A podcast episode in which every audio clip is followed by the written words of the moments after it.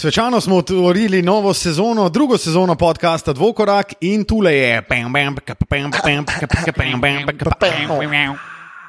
Lepo zdrav, poslušalke in poslušalci. Druga sezona podcasta Dvokorak je pred nami, je pred vami, ne na zadnje. In danes jo bomo svečano odprli. Uh, sicer tako kot ponovadi s hejt kotičkom, ki pritiče vsake oddaji, uh, tako bo tudi v tej sezoni, sicer pa v nadaljevanju pripravljamo za vas nekaj sladkorčkov, nekaj novitet, o katerih se sicer še nismo pogovarjali, niti ne dogovorili, katere bojo, ampak nekaj bo novega, da bo seveda uh, tale zadevica tekla tako, kot se zagre in da bo zanimiva. Tilan in Matija, kako sta? Ja, jaz sem zdaj že kar v redu, po sicer kar napornem uh, vikendu, ki se je v družbi dvokoraka odvijal v, v sobo, petek, soboto in nedeljo. Ja. Um, to je bil tudi um, čas, ki smo si ga prvotno vzeli za to, da bi posneli nekaj epizod za novo sezono, a na koncu se je izkazalo, da nismo posneli niti ene. Tilen, v čem vidiš razlog, da nismo posneli niti ene? In uh, najtežje vprašanje. Po moje sonce. Ne? Ja. Sonce je bilo absolutno premočno in ne moreš v takih pogojih. Ja, vrola je bila, je, mislim, da nerealna. No. Ja, ja, jaz tudi bi se pridružil, medtem ko je tudi von klora iz neposredne bližine vabil v svojo družbo. Moramo še povedati, da smo šli na morje, ampak smo ga videli šele zadnji dan, ko smo se odpravili na kosilo, preden smo se odpravili v Ljubljano ker nismo vedeli dejansko, koliko blizu morja smo. No.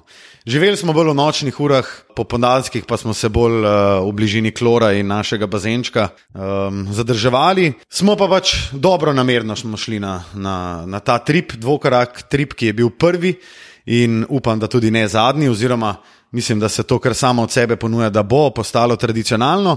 Tako, kot bo postalo tradicionalno, oziroma je že naš hate kotiček. Zdaj pa glede na to, da je Matija že nekaj omenil, da tale hate kotiček ne bo v skladu današnje teme. Ki jo bo Matija zaupal malce kasneje, predlagam, da kosmulica odpre hate sezono. Ja, smo vendarle v prvi vrsti NBA podcasterine. E, tako da si bom prvošil en NBA statkorček za začetek sezone, če temu že lahko rečemo.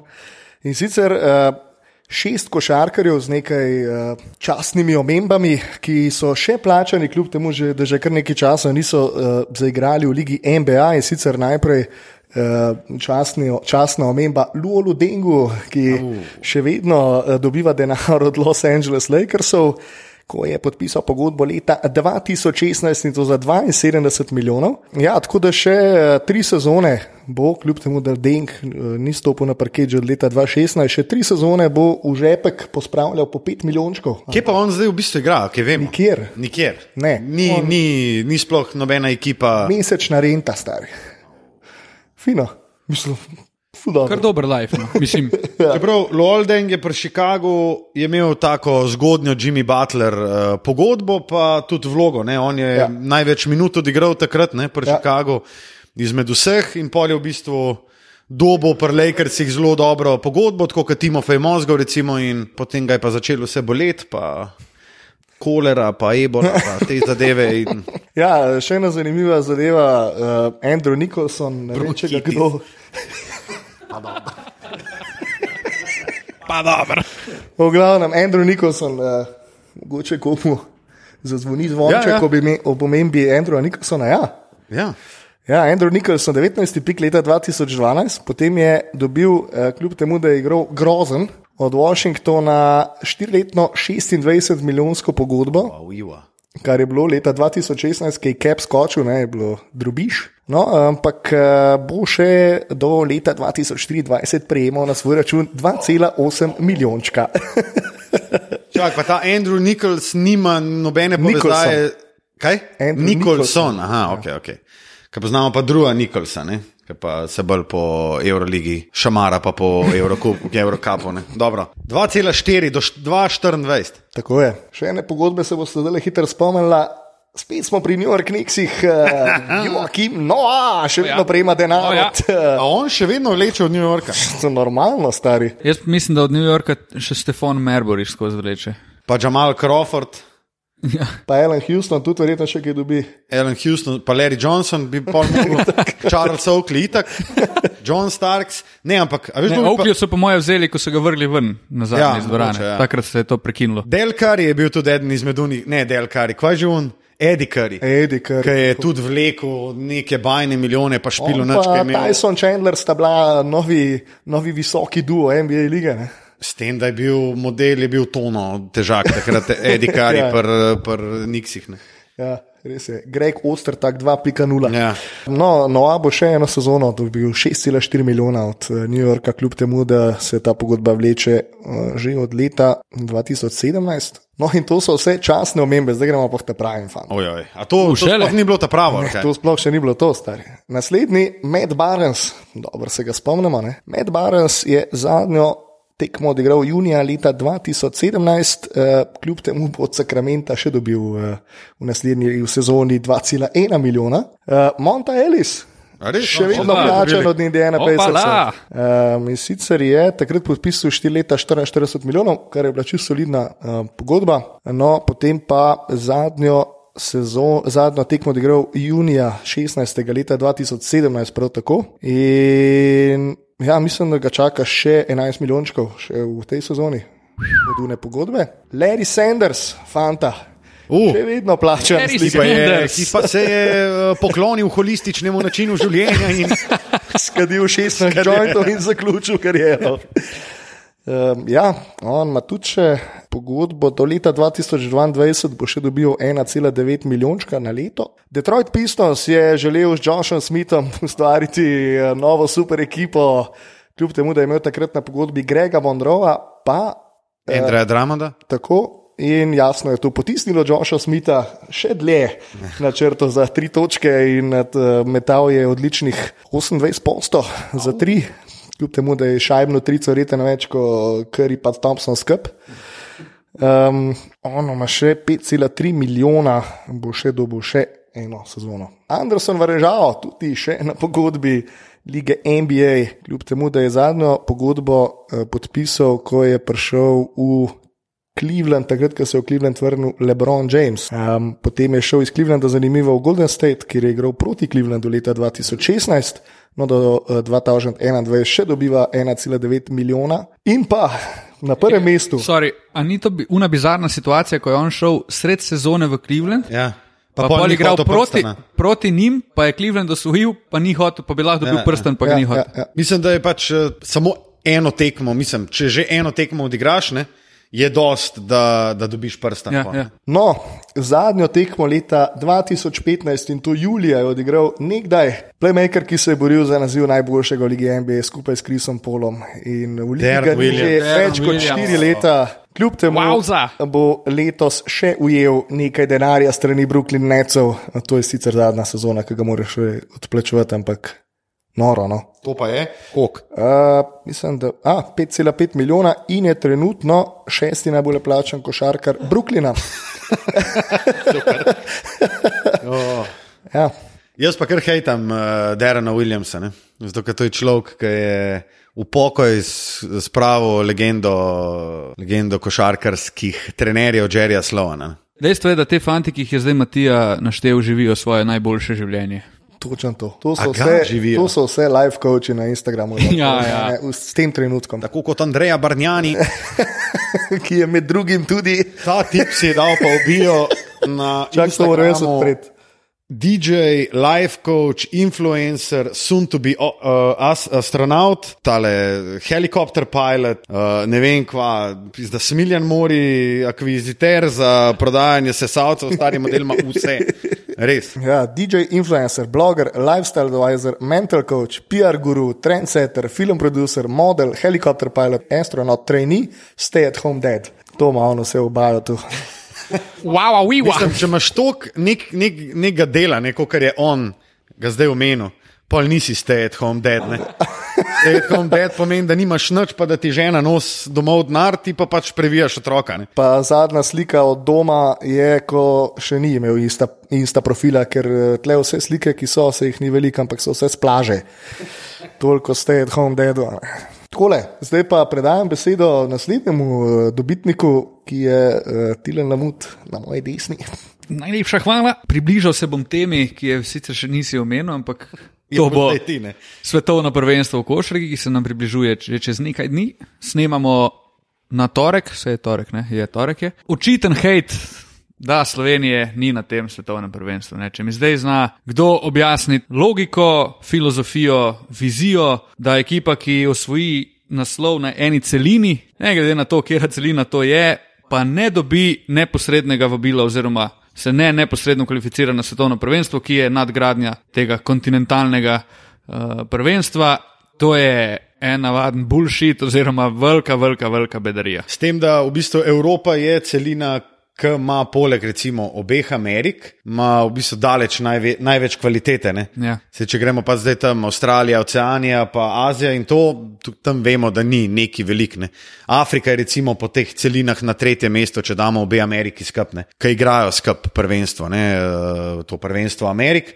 Um, to, da, jaz, jaz sem prepričan, da se to ne bi zgodilo, če bi recimo Francozi, Francozi usvojili kanto ali pa Nemci ali pa Španci ali pa kaj takega, kakšna taka tudi uh, politična in ekonomska vele sila. Ne. To je, to je čisto absurdna situacija, do kjer nikakor ne bi smelo priti. no. Ja, Jaz sem bral intervju z eh, generalnim sekretarjem FIBE Andreasom Zaklisom, ki je uh, govoril o tem, da bodo lahko, da se zaveda problema, v katerem je, se je znašla Slovenija, ampak da bodo ta problem lahko obravnavali še le- leta 2021, uh, ko bodo zdaj mimo vsa večja tekmovanja, kot so recimo svetovno prvenstvo olimpijske igre. ne.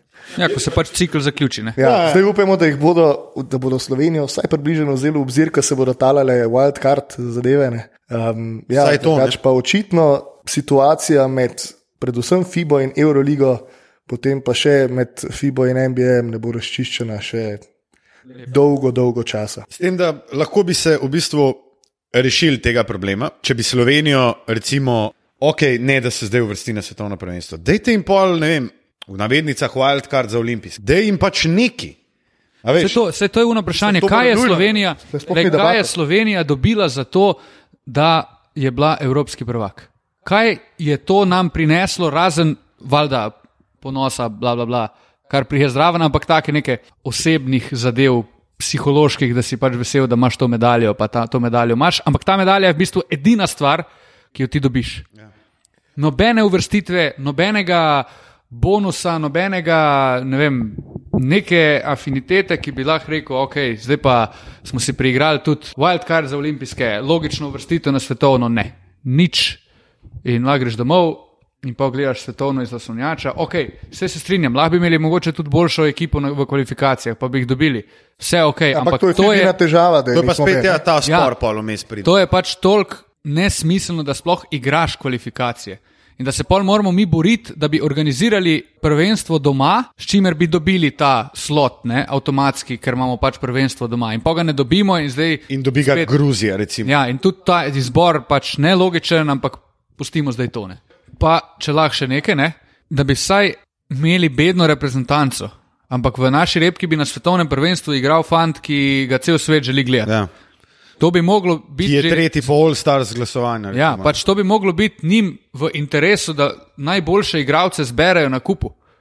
Ne, da, da tako reprezentanco vrstijo že sem zaradi tega, ker je, ker je Luka možno, da igra v tej repki. Ne. Se pa mislim, da vsi, plus poslušalke in poslušalci, strinjamo, da je to velika svinarija, kar se je Sloveniji mimo grede zgodila tudi eh, v odbojki. ne. Ja, sem se Je bilo isto in so potem Ja, na ja, ja. novo ustanovili neko tekmovanje, v katerega se Slovenija kot zmagovalka njega ni uvrstila, zato ker je to na novo in moramo iti pač ma, brez veze. Okay, uh, moj hate kotiček je, da uh, malo povzamem in uh, svetovno prvenstvo v košarki in NBA ligo.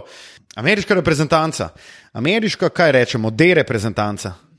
Je D, A zihrni, B zihrni, C ali Gut. D. No? Ja, Tam tako. nekje, no. No, v bistvu, kar se tukaj vidne, je tudi tle, a so se to, a si to ti enkrat izjavil. Ja, ja. Um, kako, kako mislimo, da ima ZDA neskončen bazen kvalitetnih košarkarjev, no, zdaj se je pa zelo na hitro videl, da te, temu sploh ni tako. No. Ne. In lih to je moj point. Ne?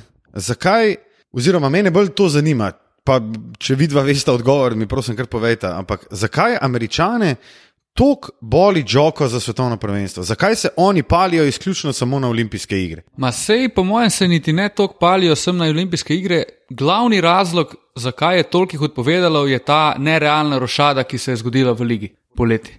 Jaz mislim, da je to glavni razlog, ker zdaj so vsi kar naenkrat po koliko, petih, šestih letih zavohali, da ima dejansko, vem, deset ekip v ligi realno možnost priti globoko v playoffu ali pa igrati finale. In vsi ti najboljši igralci so se malo strašili, da bo situacija Paul George, ki se je pač zlomil na kvalifikacijskem turnirju oziroma v- na pripravah. na white blue tekmine. Ja, in ZDA. ti, Ja. in ti v bistvu zgubiš vse možnosti za nekaj, kar se drugače cel life trudiš. To je igranje v ligi, v NBA-ju, pač za svoj klub.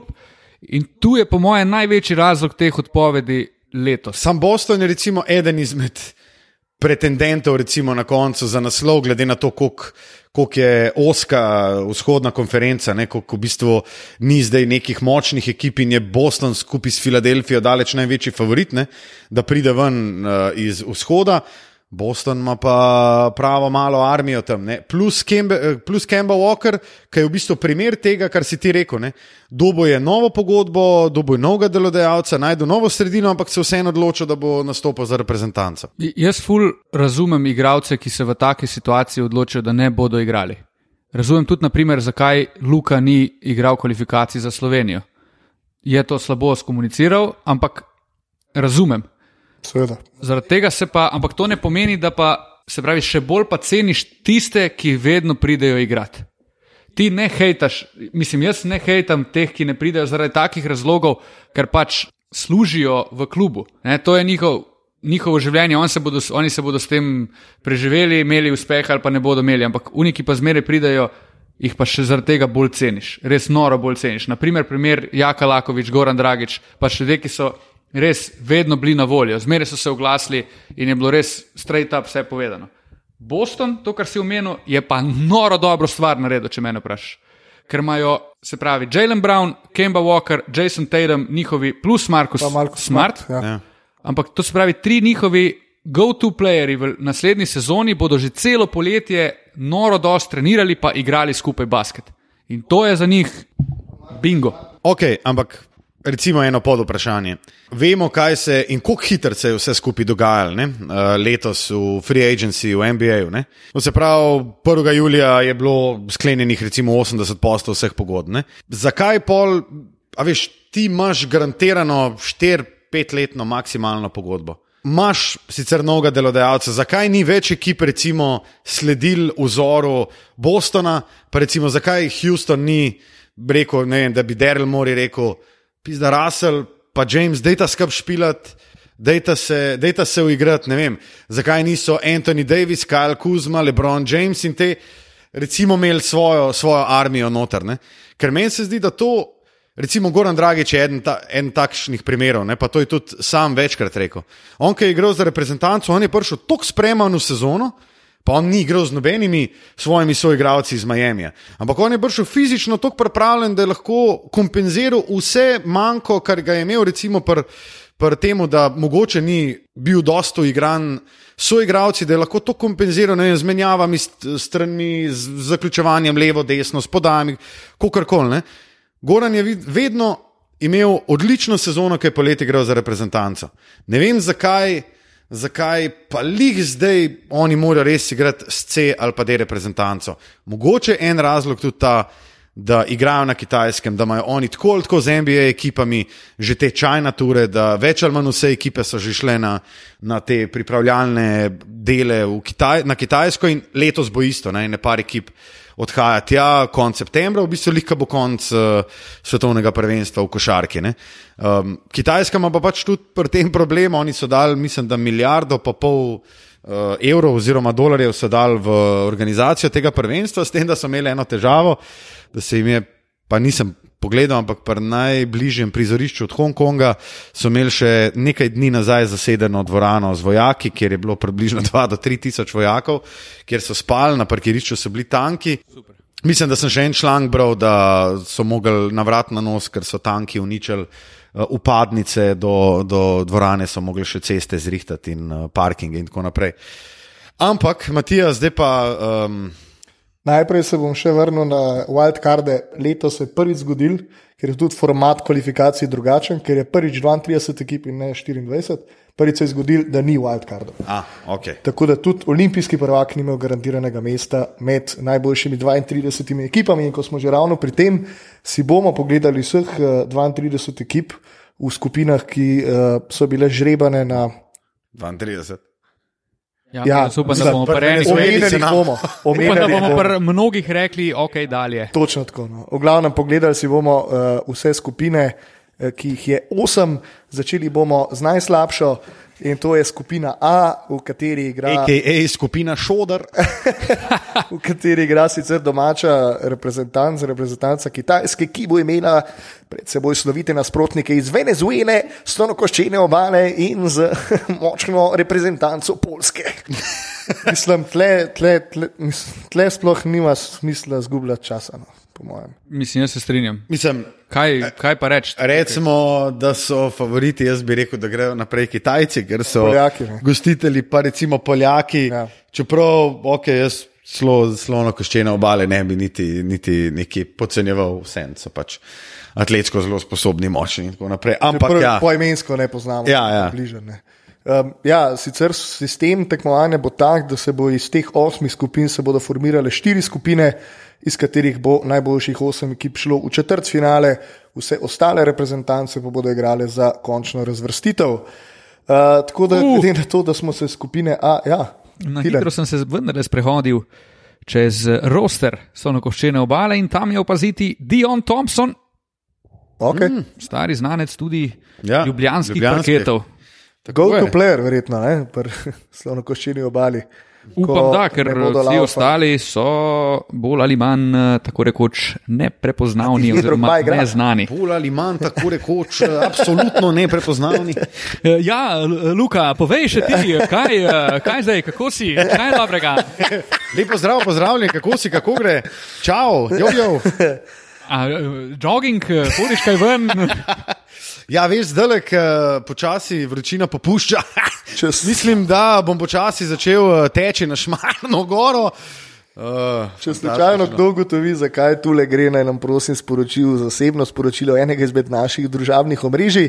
Čaka ga Večna slava. večna slava in ena poštena nagrada, za katero sicer ne vemo še kaj je, ampak če to kdo pogrunta. Ja. Medtem skupina B, v kateri mm. vendarle dve mal bolj uh, solidni reprezentanci, Rusija in Argentina.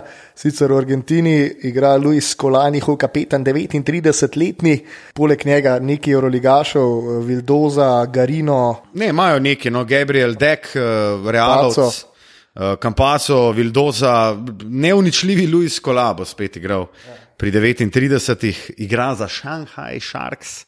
Sicer, um, ampak dobro, oni imajo tako na papirju, imajo v redu reprezentanco, se pa jaz s tabo, Matija, ne bi strinjal. Ne.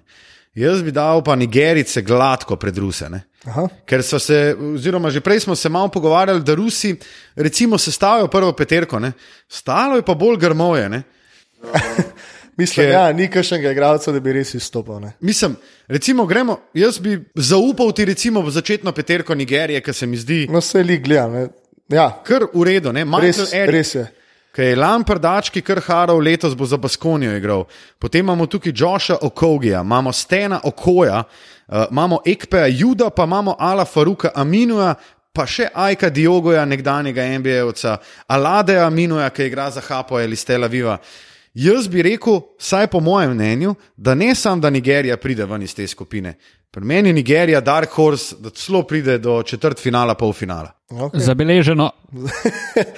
Ja, ker, no, po drugi strani tudi Rusi nimajo slabe ekipe. Ne, definitivno ne. Uh, tako da, po mojem, tle, kar se igralskih izkušenj tiče, tiče, pa glede na nivo oziroma na raven, na kateri igrajo, je tle kar neki Rusov, ki se lahko z njimi primerja. Je pa res, da so mogoče fizično uh, tukaj močnejši, da bi na fiziki dobili uh, Ruse. V glavnem bo pa to prva zanimiva skupina, ne? se pravi Argentin, Argentina, Rusija, Nigerija. Mislim, jaz bi rekel, glede na to, kako poborila. ekipo ima Argentina, jih ne bi v primerjavi s temi Nigerici, ki si jih Luka omenjal, pa Rusi jih ne bi tako enoznačno izpostavil kot prve favorite Ne, te ne, skupine. ne. Jaz Mislim, mislim, jaz bi rekel, da je to čist- zelo izenačeno. No. Ja, ja, ja. Okay, uh, Korejce bomo, ki si ga pogledali. Ali... Ja, ja, mislim. ja, če eh, si hočeš zdaj zlomiti, Zanimivo je predvsem to, da imajo Korejci od prvega do zadnjega eh, košarkarja vse, ki igrajo v korejski domači ligi. To je recimo ena zanimivost o Korejcih, eh, zdaj pa lahko gremo, mislim, da kar na skupino C. V skupini C, uh, prvi favoriti, tle pa mislim, da brez kakršnega koli pardona, Španci, ki se bodo za napredovanje verjetno najbolj borili s kakšnim Portorikom, Tunizijo, um, Iran, niti ne vem, kakšno ekipo ima. Ma, Iran ima enega igralca, ne? Zakaj se mi zdi, da Iran ima nekoga? Ima nekoga, mislim, da ima Ne, ne, imel, je pač včasih unga Hamed Hadadi. Hadadija, Ah, ja, Hadadi, ki je bil Zdaj tudi. sem. NBA-ovc. Ampak eh, zdaj Hadadi igra za uh. Šempville iz Peruja. Neverjetno. Ne, iz Lebanona je tole, tole je pa kar Lebanon, nisem videl tele smrekce noter. Tole je pa kar Lebanon, ta star, tole je pa bližnji vzhod. Ne. Jaz bi celo rekel, da je Španija dobila tako dober in tako lep žreb za uvrstitev v drugi skupinski del, za drugo mesto, pa ne bi mogel sploh reči, Ja, kdo bi ja. kdo bi šel naprej, ampak recimo, no, recimo da vsem Puerto Rico, ima Z te- Renaldom Balkmanom. Ja, Ronaldo, Pa Džan Klavel. Imaš ene parno, pa imaš tega, ki igra veš, za, za Fukushimo Firebonds, um, Krisa Bradyja ne, na centru. Ne, jaz bi rekel Rico, Puerto Rico samo izključno iz tega, ker uh, ima tak romantičen uh, tak zven na teh velikih tekmovanjih, še zaradi Ajusa, Roja, Bare. Ja, konc koncev neko tradicijo. Ja, nekaj. ki je težko Tako pripišemo recimo. Iranu pa Tuniziji. ne. Tako, tako. Okay, gremo v skupino D. Prvi favorit um, tega turnirja je bil omenjen, to je, mislim, eden izmed glavnih favoritov tega turnirja je bil omenjen, to je Španija. No, skupina D pa bo prinesla tudi prvi, prvo malo bolj resno tekmo v skupinskem delu med Italijo in Srbijo, ki sta obe sestavili zelo, zelo uh, respektabilne ekipe, ampak mislim, da se lahko tukaj strinjamo, da so Srbi ekipa, ki je za turnir na svetovnem prvenstvu sestavila daleč najbolj kompletno reprezentanco.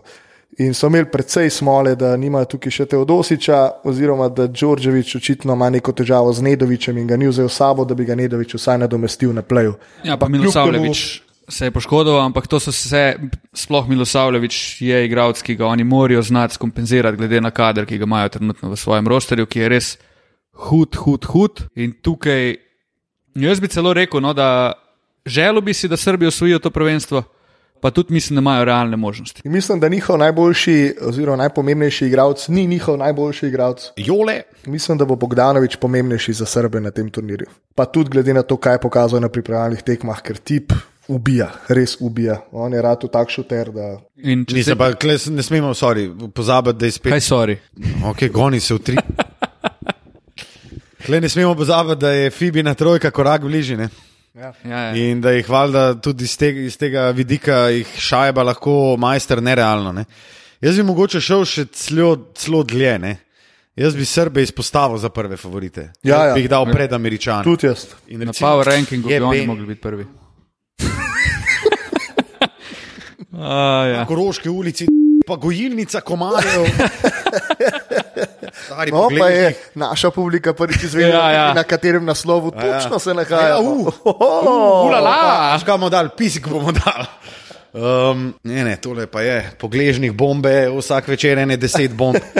Um, ja, da bi dal Srbe celo pred uh, Američane, pa zanimivo je tudi, Sale George, ful mi je všeč pač ta njihov. Njihova pa, samozavest. Se, ja, ja, njihova samozavest, pa ta šmek, ki ga je imel Đorđevič že v časih igranja. On je rekel, meni je vse, kje je Amerika, ampak ko se srečamo v finalu, jih, jim naj sam Bog pomaga. In to mi je pač, ko, to je ultimativna šmek izjava, da ti veš, da si. Da, kaj dobiš američane, da jih boš požrl. In jaz verjamem, jaz Đorđeviču verjamem. Pa tudi hkrati ne, ne bežiš od tega, ne? ne pretvarjaš se, ne govoriš, da ne daješ vse, ja, američani so Vseeno so najboljši. to Američani. Tako, ker pač zavedaš se, da imaš ekipo, ki bi si težko želel boljšo imeti. Oni imajo sem trojka, ki jo bom jaz tako z veseljem gledal, Bjelica, Bogdanovič, Jokič, to je poezija od basketa. Pa imamo pa še Miciča, pa še vse ostale, ki pridejo zraven. Oni morajo, ne smejo bežati od te odgovornosti, ne? ampak hkrati pa oni imajo full samozavesti, ampak tudi eno mero skromnosti, ki so jo v preteklosti doskrat tudi malo pogrešali. Ne? Kljub temu, da so full samozavestni, pa niso prepotentni. Imajo neko tako kohezijo v ekipi, fanti se dobro razumejo, vidi se, da so to ekipe, ki so tudi v mlajših selekcijah, fanti doskrat skupaj igrali, se poznajo že dolgo, so prijatelji in pa se dosti zmanjšal na možnost kreganja, ki smo jo pri Srbih doskrat uh, tudi lahko videli v preteklosti. Ja, tudi v eri Đorđeviča. ne. Đorđevič je, to moramo reči, on je. Predvsem je selektor, prednji je trener, je odličen selektor. Na trenerskem, eh, oziroma na klubskem nivoju ni nikoli pokazal tega, kar je pokazal na reprezentančnem, ker je Srbija pod njegovo taktirko praktično vedno druga najboljša ekipa na turnirju. Ja, ima to pripadnost, ne, ki jo pri Ja, klubu nima. Ne. In ta pripadnost ga dela, ful, pa on je itak nor, Pa šteka, ne. pa šteka Ja. mentaliteto igralcev. Jaz mislim, da jih on res zna pripraviti na vsak trenutek. Eh, Drugi favorit v skupini, brez dvoma, Italijani. Luka je pred začetkom eh, podcasta odlično izpostavil eno stvar, ki manjka v ekipi, eh, sploh kar jim manjka proti Srbom, ki so jih že premagali na pripravljalnih tekmah, in to je Nimajo visokega igralca. Pa najvišji igralec, Tesaturi. ja, v bistvu ne, najvišji igralec je celo Danilo Galinari, skupaj uh, z Amedejem, Tesitorijem, 208 cm. Ne. Potem je pa drugi najvišji igralec, je pa že Luigi Datome, ki je pa, mislim, lahko rečemo, klasična trojka, klasično krilo, ki po sili razmer gre na šterko igrati, ampak oni, oni jih bodo dobivali po pesi v, noter v raketi. Ne. Mislim, da mi povej, koga oni lahko naložijo na hrbet, realno. Ne morejo nikogar, mislim, oni ne morejo poundati, vemo kam. V raketi nikogar.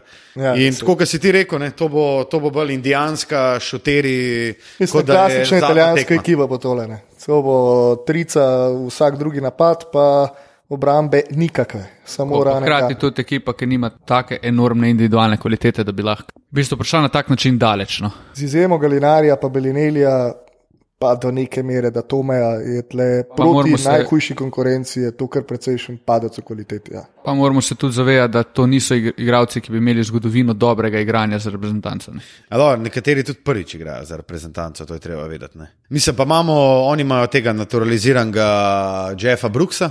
Ja. Um, Imajo tudi uh, že sicer rojenega v Italiji, zelo izkušenega pleja Daniela Haketa. Tako no. Mislim, Sicer oni, zelo solidna reprezentanca, Imajo, ja. kot če na, na svoj dan lahko premaga vsakogar. Ampak teh dni ne bo teh dosti. dni, mislim, Ja, da bo zmanjkalo ne, tekom prvenstva. oni rabijo četrt finale dobiti, recimo en tak dan, med pa so konc koncev v borbi za medalje. ne. Saj Kar je pa njihov domet. Kar je pa njihov domet. Mislim, ja. borba za medalje je že malo optimistično, ne njihov ja. domet. Ja, jaz ampak- bi rekel, kar, da je to kar optimistično. Ampak klik to ne, če imajo oni, če se, lej, če se Belinelijo strga, če se Galinarijo strga, če vsak šajbne pet trolne, kar ni nemogoče, četrt finalu res lahko Ja, oni rabijo, to je pade neka Španija, Francija, neki. Ne. To je taka situacija, ki je na teh velikih tekmovanjih, ko ena tekma odločane. In ti takrat naletiš lahko tudi na boljšo reprezentanco, ki pa ima pač slab dan, ti imaš nerealno dobrega, daleč najboljšega v celem obdobju tega ciklusa in greš naprej in si kar naenkrat v boju za medalje in niti ne veš točno, kako si do tam prišel, ampak sem vesel, da si Ja, tam. pa se hvališ, da si dober temperal formulih za ta prav del. S tem, ko do četrt finala pa ne bi smeli imeti prevelikih težav, glede na to, da se križajo skupino C. A ja, no ja, bojo imeli velike težave, Ne, ne. Španci. Ja. Špe- Španci, morajo, ne, morajo ne. imeti res, že v drugem delu morajo imeti ene, dva taka dneva, da, da, da si lahko parijo. Mislim, ja, tem Špancem se lahko izognejo, mislim, ne, ne morejo se jim izogniti, kaj se drugi izogniti. skupinski del. Ne. Ne. Ampak lahko imajo pa boljše izhodišče, če, če so prvi v skupini, ampak ne bojo, ker bojo Srbi. Misija ne mogoče, verjetno. Uh, gremo naprej v skupino E. A, nismo omenili sicer v skupini D Angole in Filipinov. Uh, Filipini imajo Andreja Bleča, to je pa edini košarkar, ki je ureden omembe brščas med preostalima dvema reprezentancama. Tako da ja, k skupini E, v kateri igrajo Turki, Čehi. Uh, ZDA in Japonci. Začnimo prvi, recimo, zadnje postavljeni te, ekip, uh, te skupine Japonski. Uh, Rui Hachimura, deveti pik na letošnjem naboru, gre v Washington, sicer ne najboljši fit za njega, ampak zelo talentiran igralec, ki bo imel na, na prvenstvu vsa dovoljenja strani Japoncev in verjetno je to košarkar, ki bo navduševal, kljub temu, da je star 19 let. Ja, pa tale, ne, uh, ki je na rosterju Memphisa, Watanabe. Je tudi, no, ja, Utah, ja. YouTube, ja, to je Watanabe. kaj je. Um, YouTube jazz. Ja, YouTube jazz, pa Koron, kor, Koronto Raptor. Toronto Raptors. To pa, To sta pa dve Expansion, ekipi. ne. expansion tima iz Ja. uh, Poreča. To je gladko produkt eh, vikenda v Poreču. Ja. YouTube Raptors in Koronto Raptors. Uh, Ah, YouTube Raptors. A? tretja postavljena ekipa Ja. skupine YouTube E. jazz. Sorry. Uh, Brščas Češka, pri kateri bo kdo sploh igral, stari. Ja, jaz mislim, da bi eh, Tomas Jaromira. Bohačika. Satoranski pa Blake Shield sta z naskokom največji imeni, potem pa že Pavel Pumprla in Martin Peterka. Ja, čeprav Andrej Balvin, Ja. igral za Model se Granarijo piše lani. Pumperla. no. Dajmo appreciate to. No. Daj. Crowd Malo favorite. pozornosti tej malenkosti. Kakšen crowd favorite bo Pumprla, stari, pa še, ki bo mogel kitajski, kitajski announcer, ki ga bo mogel zim. Oh, ja. Bo kar dobro. Oh, uh, je bil pa undrafted leta 2008, Pumperla. Uh, igral za Opavo, Nimburg, Obradojro, Spiru, Estudiantes in spet nazaj. Nimburg v bistvu nima slabe kariere, ne, tale pa Pumperla. Gremo naprej, gremo naprej k Turkom, ki so vedno neugodni in imajo na svojem rosterju en kup dobrih šuterjev, kar bo verjetno tudi njihova največja prednost. Wilbekin, Mahmutoglu, Korkmas, Iljasova, tudi do neke mere Osman, z neki solidnimi centri. Po mojem, no, kar en tak, ena taka zelo neugodna ekipa tega Turki Bi prvenstva. znali, imeti, zna- bi znali kar nekaj težav povzročiti, oziroma malo premešati te štrene, ker se jih sploh nikjer ne omenja, da bi bili blizu nekim resnim možnostim v izločilnih bojih, ampak to je ekipa, ki lahko marsikoga preseneti. Pustimo zdaj američane, ki se jih itak izognejo, ker so z njimi v skupini, ali pa srbe, ki sta top dve reprezentanci, po moje, pa, pa je kren gap nastane. Ne? Ma bi skoraj rekel, da z drugimi pa te Turki lahko igrajo. Turki lahko igrajo z Španci, lahko igrajo s Francozi in imajo čist realne možnosti. Ne pravim, da so favoriti, ampak ne, nikakor pa ne smejo gledati na te tekme podložno preveč ali pa da jih ne bi mogli dobiti. Oni lahko se vmešajo v boj za medalje. Pa ko smo prej dosti govorili o Italiji, se mi zdi, da je Turčija ena taka dosti bolj homogena, kompaktna ekipa kot pa Italija. Ja, tudi z malo večjim nacionalnim nabojem, Tako. drugega. No. Pa trenerjem, ki dejansko dela sem reprezentanco, je spet dosti selektorski. Mogoče je Sariđa malo podoben Đorđeviču v tem, ki je tak relativno mlad trener, ki pa še skozi ima full znanja, pa nacionalnega naboja, zna motivirati, zna razumeti, zna Ufuk, a? tudi igro. Ufuk, ja. Točno, stari. Ša, šariđa. Oni bi znali biti nevarni. No. Ja, Obstaja tudi možnost, da se jim zgodi nek polom, pa se čist ne zgodi iz njih, ne? ampak če bodo pa prišli četrt finale, Ne boš presenečen. Ne? ne, nikakor ne. Ne, imajo oni te tri NBA-jevce, šest Euroligašov, me pa ful, um, ful je dober, ne? Mislim, zanimiv je. On ima ful mlado reprezentanco. Ja. Najstarejši Semi Herden, ki je Euroligaško dokazan in NBA dokazan center, 33, drugi najstarejši je 32, Ersan Iljasova, nihče drug ni čez 30. Stari, oni imajo v bistvu tudi tako, za par prvenstev imajo oni kar dobre nastavke. Ne? S tem, da me ful veseli in uh, sem malo tudi presenečen, da je do določene mere dal ključe v napadu uh, Sariđa Furkanu Korkmazu, ki je meni bil ja. vedno eden najboljših mladih košarkarjev v Evropi. In mislim, da bo tole en tak break, breakout turnir za Korkmaza. A kdo ve, kaj je bilo z Duverjoglojem? Zakaj ne igra za reprezentanco? Se ne vem, kakšen je sploh njegov status tle. On je bil, on je, bil, on je kvalifikacije igral za Turčijo. Je? Ampak mislim, da je Paul Erden dobil prednost pri izboru.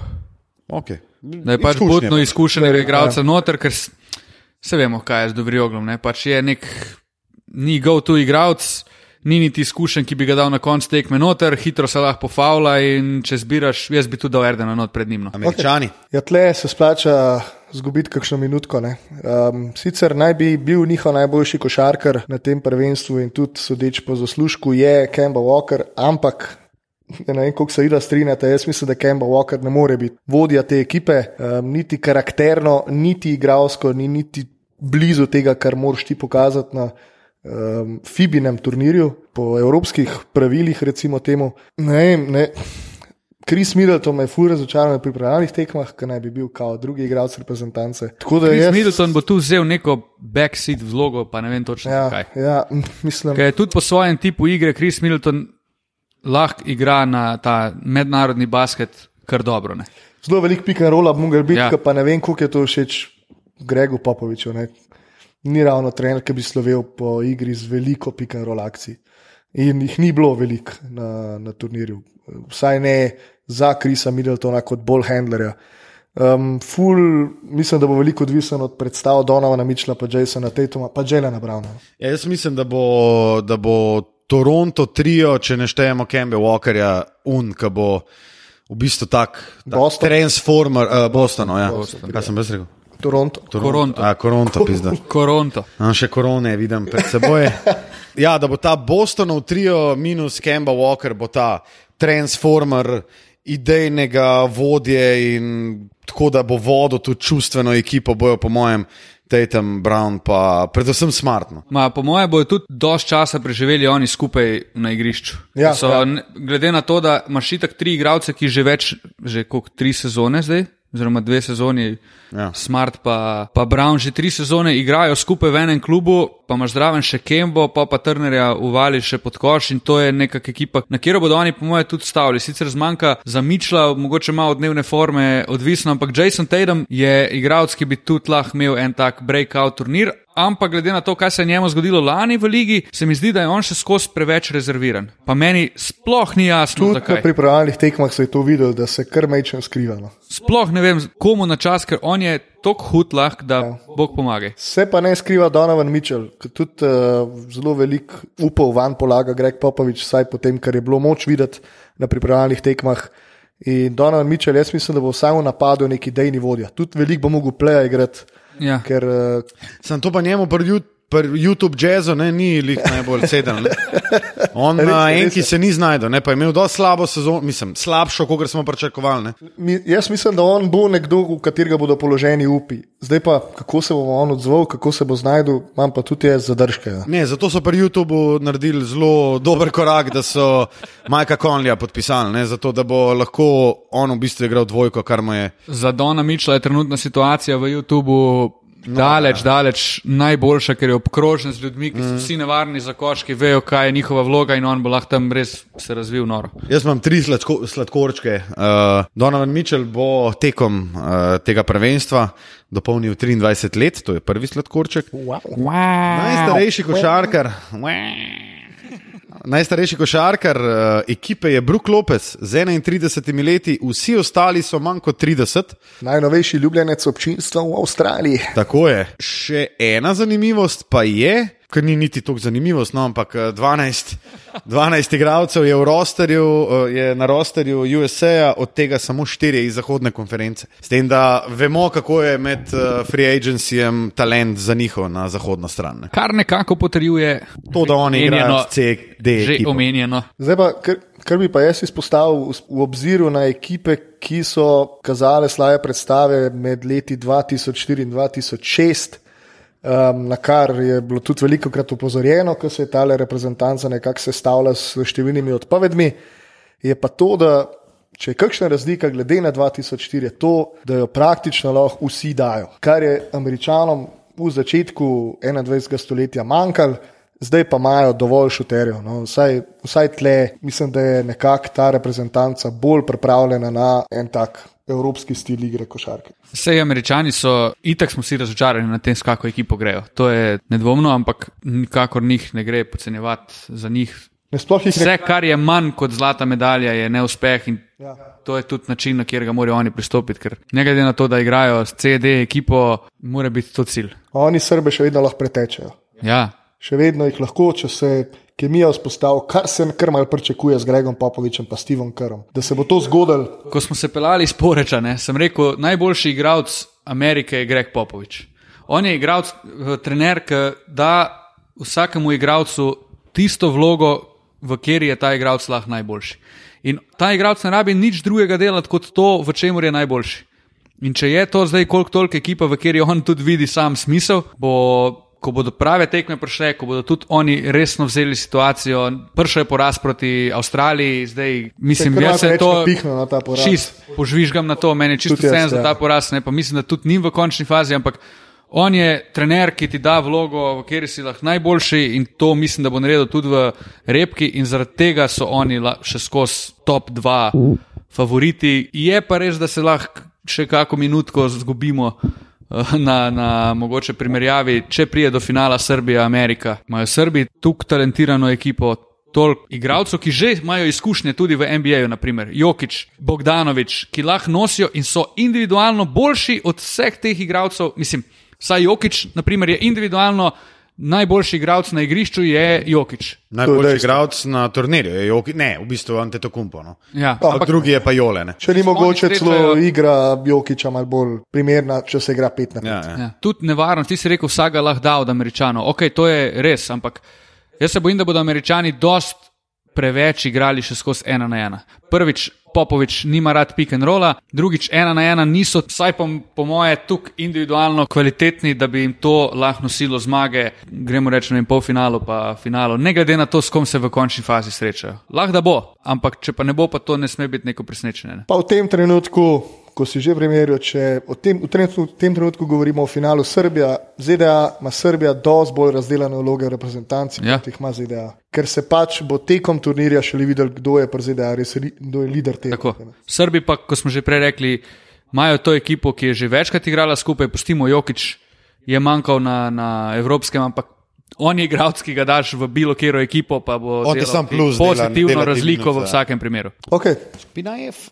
Toliko ZDA, ki se bo driže, uh, križala s skupino F, ja, v skupini F pa še eden izmed tihih favoritov, vsaj po mojem mnenju, uh, pri katerem bi se najprej ustavil in to je ekipa z aktualnim MVP-jem lige NBA, uh, Janisom Antetokumpom, Grki, ki imajo kar, kar zanimivo ekipo. Poleg njega, recimo še Tanasis, ki je začel kar naenkrat trice metati, danes sem gledal neke highlighte, pa sem bil ful presenečen in to zelo, zelo samozavestno. Imajo tle dobrega pleja, v, v Slukasu, dobro krilo, Papa Nikolaju, izkušenega Printezisa, Papa Janisa, pa Borusisa na centru Kalatesa, konc koncev. Mislim, je tle ena rotacija osmih, devetih igralcev, ki je res, res dobra. Slukas je še vprašljiv. Poškodba, ampak ja, sej si rekel, Mancaris je tukaj konc koncev lahko, pa tudi Janis pač poprime za. No, pa Kalates, konc koncev. Tako, sej Kalates je pa itak. Ja. Za, Svis, mislim, da bo Kalates nasploh prvi, prva Ja, enka ja. Ja, ja, Ja, ja, itak. Mislim pa se je itak najbolj na Fibi napravila Kalates praktično igra cel life, razen unih treh, štirih let, ki je igral, ne dveh let, ki je igral praktično v NBA. Pa še to je presedel pol zaradi uh, dopinga. Tako. Pa Janis Borusis ne se vrača v reprezentanco, to je pa tudi eh, lepo. Robustni center, ki igra sicer za Gran Canarijo. Uh, Mislim, Grki imajo noro dost hvaležnih igralcev. Res je. Ja. ki ne bodo sami sebe sili v spredje, zavedajo se, da imajo najboljšega igralca na svetu, mogoče. Ok, to je zdaj kar malo overstatement, ampak Najboljšega na turnirju. najboljšega na turnirju. Pa gotovo. Ampak hkrati so pa tu igralci, ki so lahko ful, ful koristni, ne bodo pa sebe metali v prvi plan. Ni jih pa hkrati strah kakega odločilnega meta, če se ekipa koncentrira na Janisa. In tu je, Grki so lahko tudi kar presenečeni, oziroma lahko prijo daleč. No. Jaz To niti mislim, ne bo presenečenje. Jaz, jaz mislim, da v obrambi bodo oni nenormalno močni. Imajo Oni pa imajo Jani spodaj skupaj. 217, Antetokumpa oba dva, če jih imaš noter, pa pa Nikolauja. njihova prva peterka. Jaz bi sem še rekel, imajo pa mislim, da absolutno najlepše drese na prvenstvu. Z naskokom. Če bi pa. Z veseljem bi si ja, kupil moder Keras. dres z belimi črtami. Prav Pa- Orlando sem jaz Wow. spomnil. Pa Res, odšel na jadrnico kot mornarček, tudi so kislina, stari res. Ja. Ne, njihova prva peterka, če odštejemo s Lukasa, ne, imajo Manzaris, recimo Man- Kalates, Manzaris, Papa Kumbo, Nikolau. Printezis, Papa Nikolau z nizko peterko. Če pa hočeš visoko, da daš recimo Borusisa noter, pa vržeš recimo Manzari so ven. Mancarisa ven. Ja, Pa to- pa Janis, ne. pa pa Janis tudi ni, ni uh, tako Ni šlo igrač. Ne. Ne, ni šlo. Oni imajo res, res dobro. Jaz bi vse. Pa. Telefon, Tole je pa premjerno, mislim, da od dvokorakov, Ja, da ja. je Ja, ja, telefon ja. zazvonil. a? Nova sezona, nove. Ja, to so tiste novitete, Zadeve. o katerih smo govorili na začetku.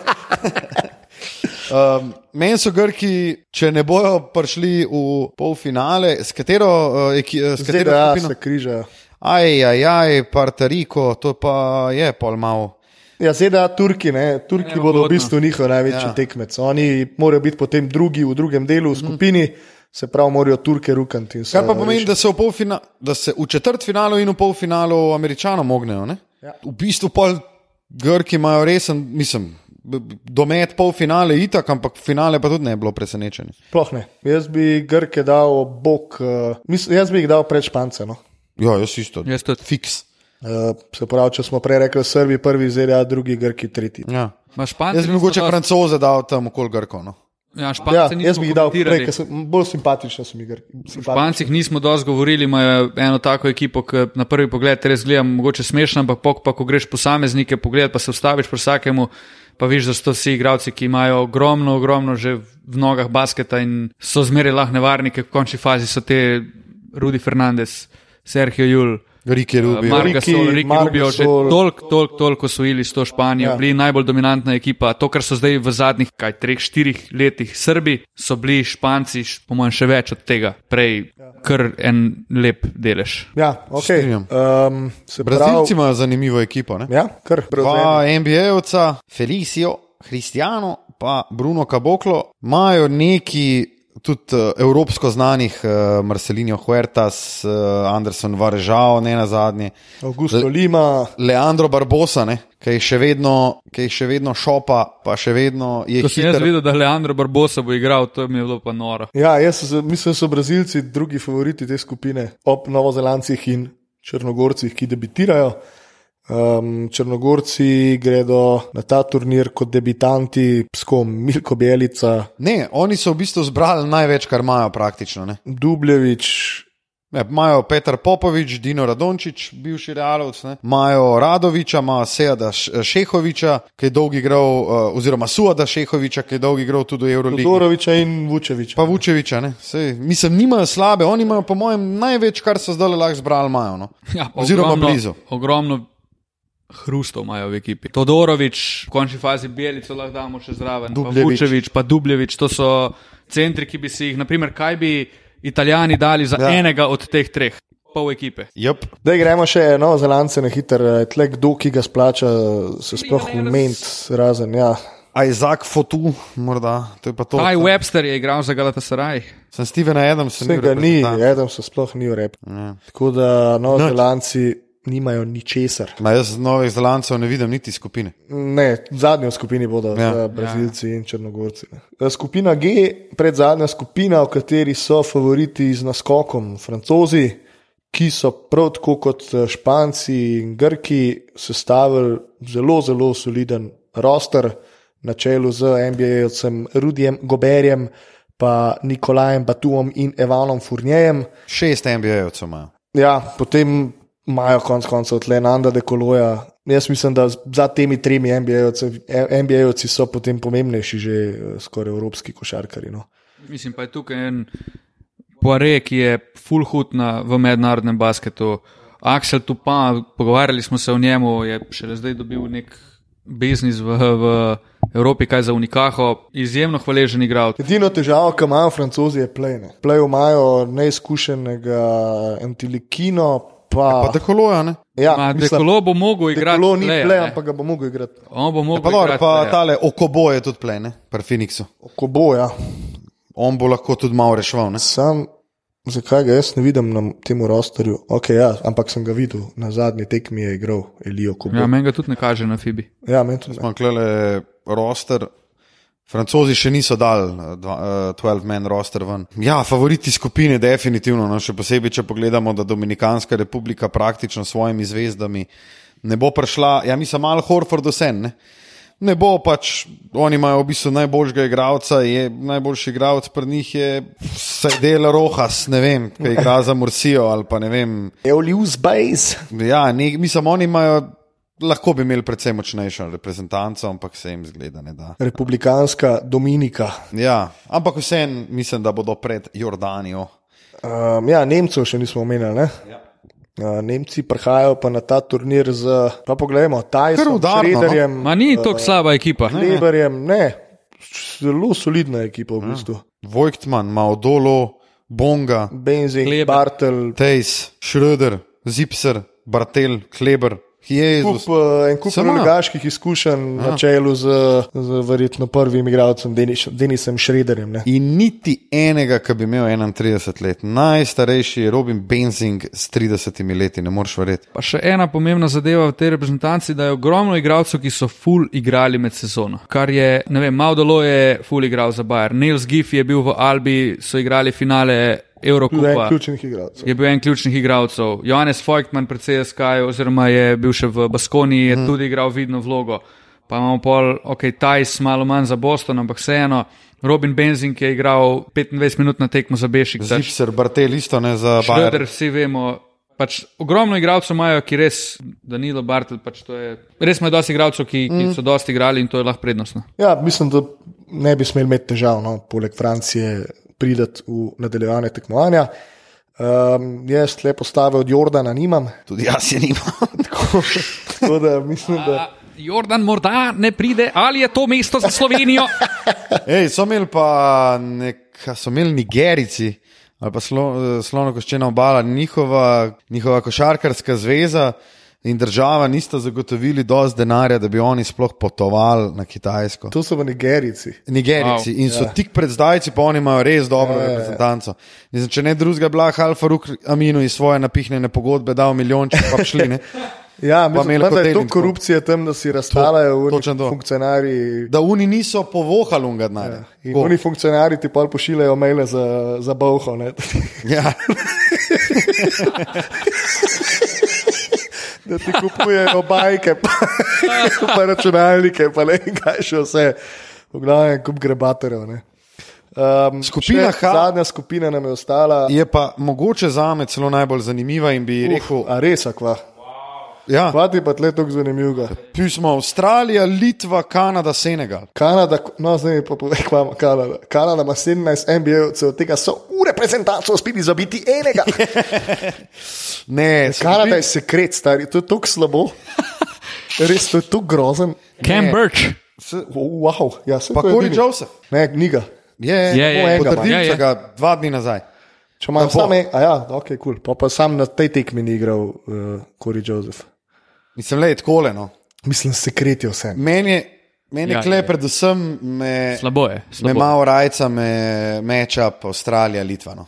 Ja, To me malo rajca, Samo to, priznati. samo to. Ampak to sta ekipe, ki bodo šli naprej. Ne? In to bi mogli iti precej gladko naprej. Ja, ja, ja, ja, ja. No, kaj te pa Ja, da ja, ja. navdušen Luka? Čakaj, oni imajo Ndojeja, Ndorja, Tijama, Sambeja.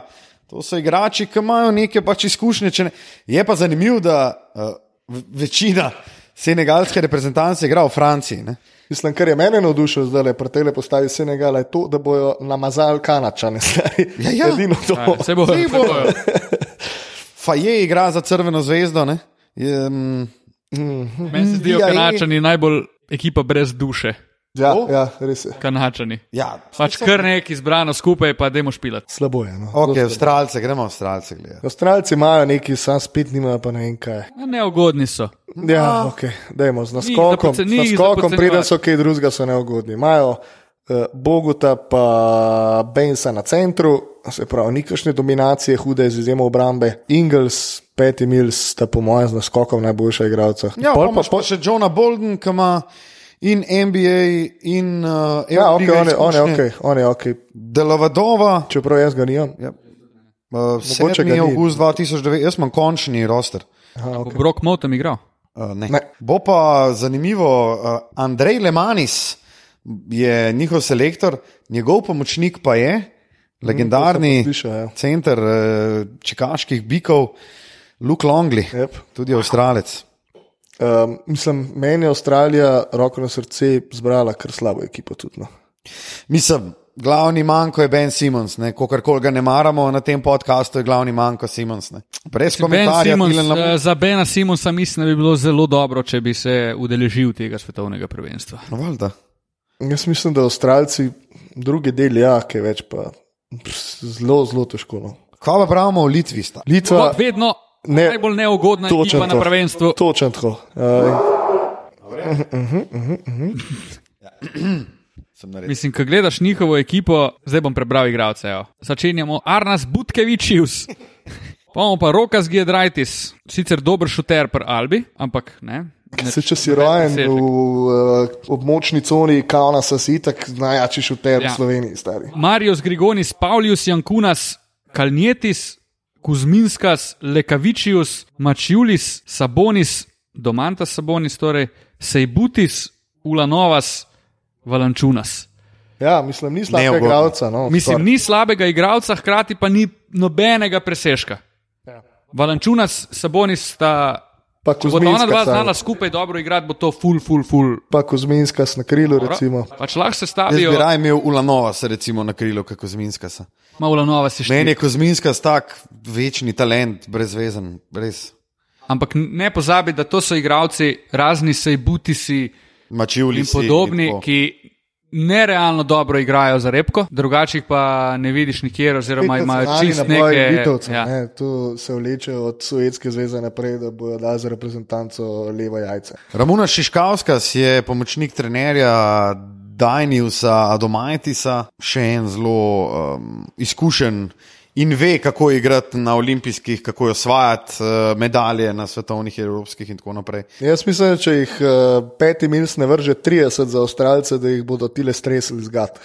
Jaz mislim, da bodo uh, teli Litvanci lagano prvi v skupini. Ja, in zna biti, da bodo šli v četrt finale poleg Francije, ki se križajo s uh, skupino G. Um, ja, se mogoče bi bilo smiselno tudi mečkam pogledati, kako pričakujemo, da se bo nadaljevalo, se pravi skupine A in skupine B. Damo naprej, koga najprej ta nehvaležna skupina A, recimo Kitajci upravičijo prednost domačega igrišča, pa so prvi, Pa Poljaki drugi, po skupini B, ki spet ne vemo, ne, kva bi. Jaz bi, rekel, jaz bi rekel Nigerija in Argentina. Okay. Um, Rekel Rusija. in boš lahko, fakt, stari, kva bo tle prišlo naprej, se ti hecaš. Sam zato, da, mi, Ja, zato, da nasprotuješ. a ne? Ja, tako ja. In kdo bo tle, in pol se bojo oni križali iz CD v četrt finalu, in kva boš dobil, mislim, tle Špance boš dobil Španci, se, pa Tunizice, recimo, ali pa. Španci pa Srbi se bodo šepnili do polfinala, tako da nam neč jasno. Malo šrota bo prišlo v četrt finale. ja. Dobro, Italija je vseeno v skupini D, ne, saj neki. Da... No, dobro, se to bodo vse zanimivo. Da je proti Se ne moremo reči, da je. Ko se enkrat losamo teh uvodnih skupin, kjer je bolj ali manj jasno, čeprav je že tukaj kar par skupin smo videli, da je, vem, sta dve ekipi, ki se boste ne vem, borili za drugo mesto, ali pa kar tri ekipe, ki se bodo borile za, za prvi dve mesti. Ampak po, ko gremo enkrat iz teh skupin ven, pa bo po mojem prvenstvu full, full zanimivo, ker je ogromno, če dovolite en overlook. Dovolj. Imamo Srbijo pa Ameriko, ki sta z naskokom najbolj talentirani ekipi, pa tudi glavna favorita, pa imamo pa en kup ekip, ki lahko po domače presmrdijo zraven, pa mešajo štrene. Imamo Špance, imamo Francoze, imamo Grke, imamo, rekli smo tudi Turke, uh, Litovci. Pač ogromno je nekih ekip, ki, ki res lahko presenetijo in zaradi tega bo kar zanimivo, ne, ko enkrat gremo ven iz teh prvih skupin. Se strinjam. Dobro, um, napovemo uh, finale, Ja, Mislim, da bomo imeli kar vsi istega. ne. ZDA, Srbija. tukaj karkoli drugega bo, bo za me kar veliko presenečenje. No. Še večje presenečenje mi bo, če Srbi ne bodo prišli v finale, kot pa Američani. Jaz bi se gladko strinjal s tabo. Hvala lepa, Luka. Kar je kar, kar, je kar čuden. To je tudi ena izmed novitet v novi sezoni, ja. da se bomo katero- očitno več strinjali.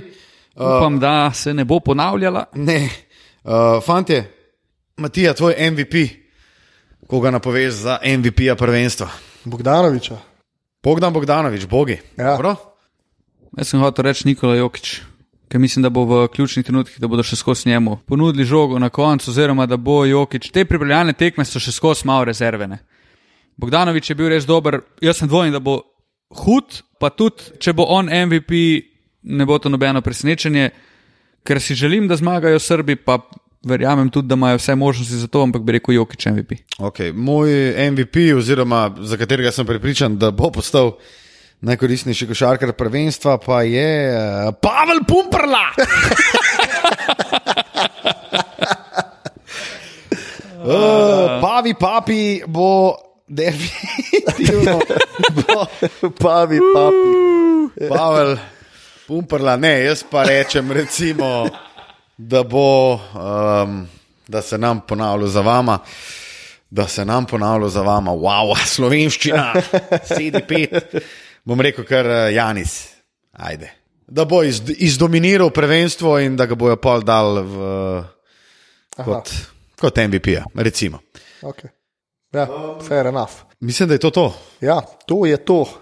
Če se ne javimo tekom prvenstva, če nam ne bo dovolj zanimiv, se bomo javili pred začetkom nove sezone, s predogledom sezone, ki ga imamo že večkrat zamišljenega, ko se obeta kar nekaj zanimivih epizod.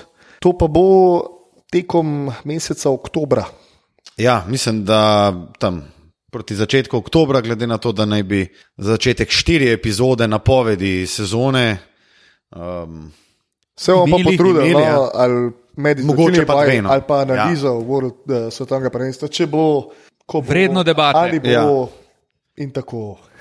Tilen Lamut, Matija Kosmac, Lukas Tucin, to smo na eh, vseh državnih omrežjih, Instagram, Facebook in Twitter. Sledite nam, uh, Anže Tomič nam bojda um, obljublja tudi nov logo. Tudi letos, eh, tudi v tej sezoni se obetajo mogoče kakšne opcije za sodelovanje, recimo z Groz Basketom, ne na zadnje tudi uh, kakšna živa epizoda.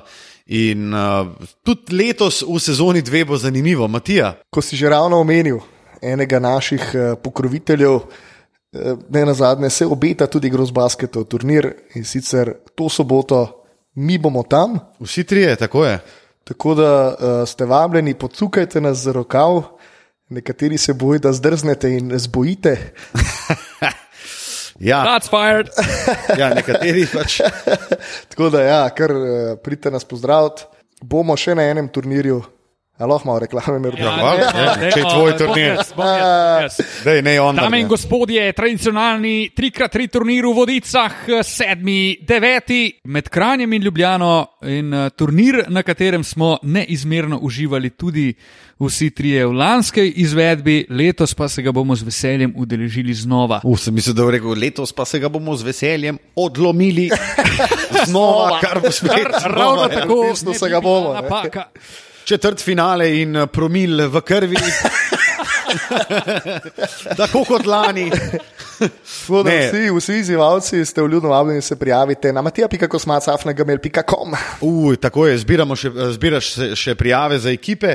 Bi pa jaz v bistvu uh, tule vključil naše poslušalke in pretežno poslušalce, da uh, naj nam na um, Apple Podcasts eh, pustijo kakšen komentar in obenem uh, seveda ocenijo ter morda ponudijo oziroma predlagajo, kakšno naj bo naše ime na prihajajočem turnirju v Vodicah 7. septembra.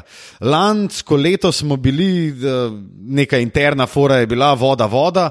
Uh, ja, um, vode. le, Čeprav mislim, da letos ali Toronto Raptors ali YouTube Jazz. YouTube jazz, nujno. Dajmo sem glasovati, kjer bo. Ja, lahko to, No, to ampak- lah, bomo naredili eno anketico. lahko na naših socialnih mrežah, tako, no. tako. In če pa ima kdo recimo res kakšno dobro, noro idejo, pa ne zdaj Ljubljana, Wizards ali pa kaj, ker bomo čelnjake talali, ko se vidimo, ampak tako, da, se, da, da je res pač nekaj originalnega. Naprimer San Antonijo, Denver. San Antonijo, Denver. Um, fantastično. Ta je res dobra. ne. Um, ja, naslednjo epizodo pa bomo začeli tudi s prebiranjem komentarjev. Fanta, imamo ene šest, sedem novih komentarjev, še neki iz lanske sezone, ki jih nismo prebrali, in uh, tudi to uh, smo še dolžni našim poslušalcem in poslušalkam. Glede na to, da zaključek tega podcasta traja že pet minut, uh, bi pa sem še rekel eno res pohvalo vsem ljudem, ki, so, ki nas poslušajo in Ja, hkrati ja. pogrešajo v času uh, poletnih počitnic. Uh, nepričakovano število sporočil in uh, želja po, po hitri vrnitvi podcasta in komentiranju tudi med poletjem raznih tem je prišlo in res je v čast.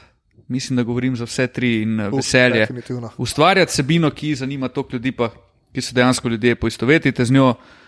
Upamo, da bomo v tem ustrajali in bili uspešni tudi v prihodnje. Ja, mislim, da je to zaključek. Še en, recimo, sladkorček, da je še malo podaljšam. In sicer, da Markus Kazin se je včeraj poročil, ampak zdaj je že v medijih eh, novica, da je dan prej grozil, da bo ubil svojo bivšo punco.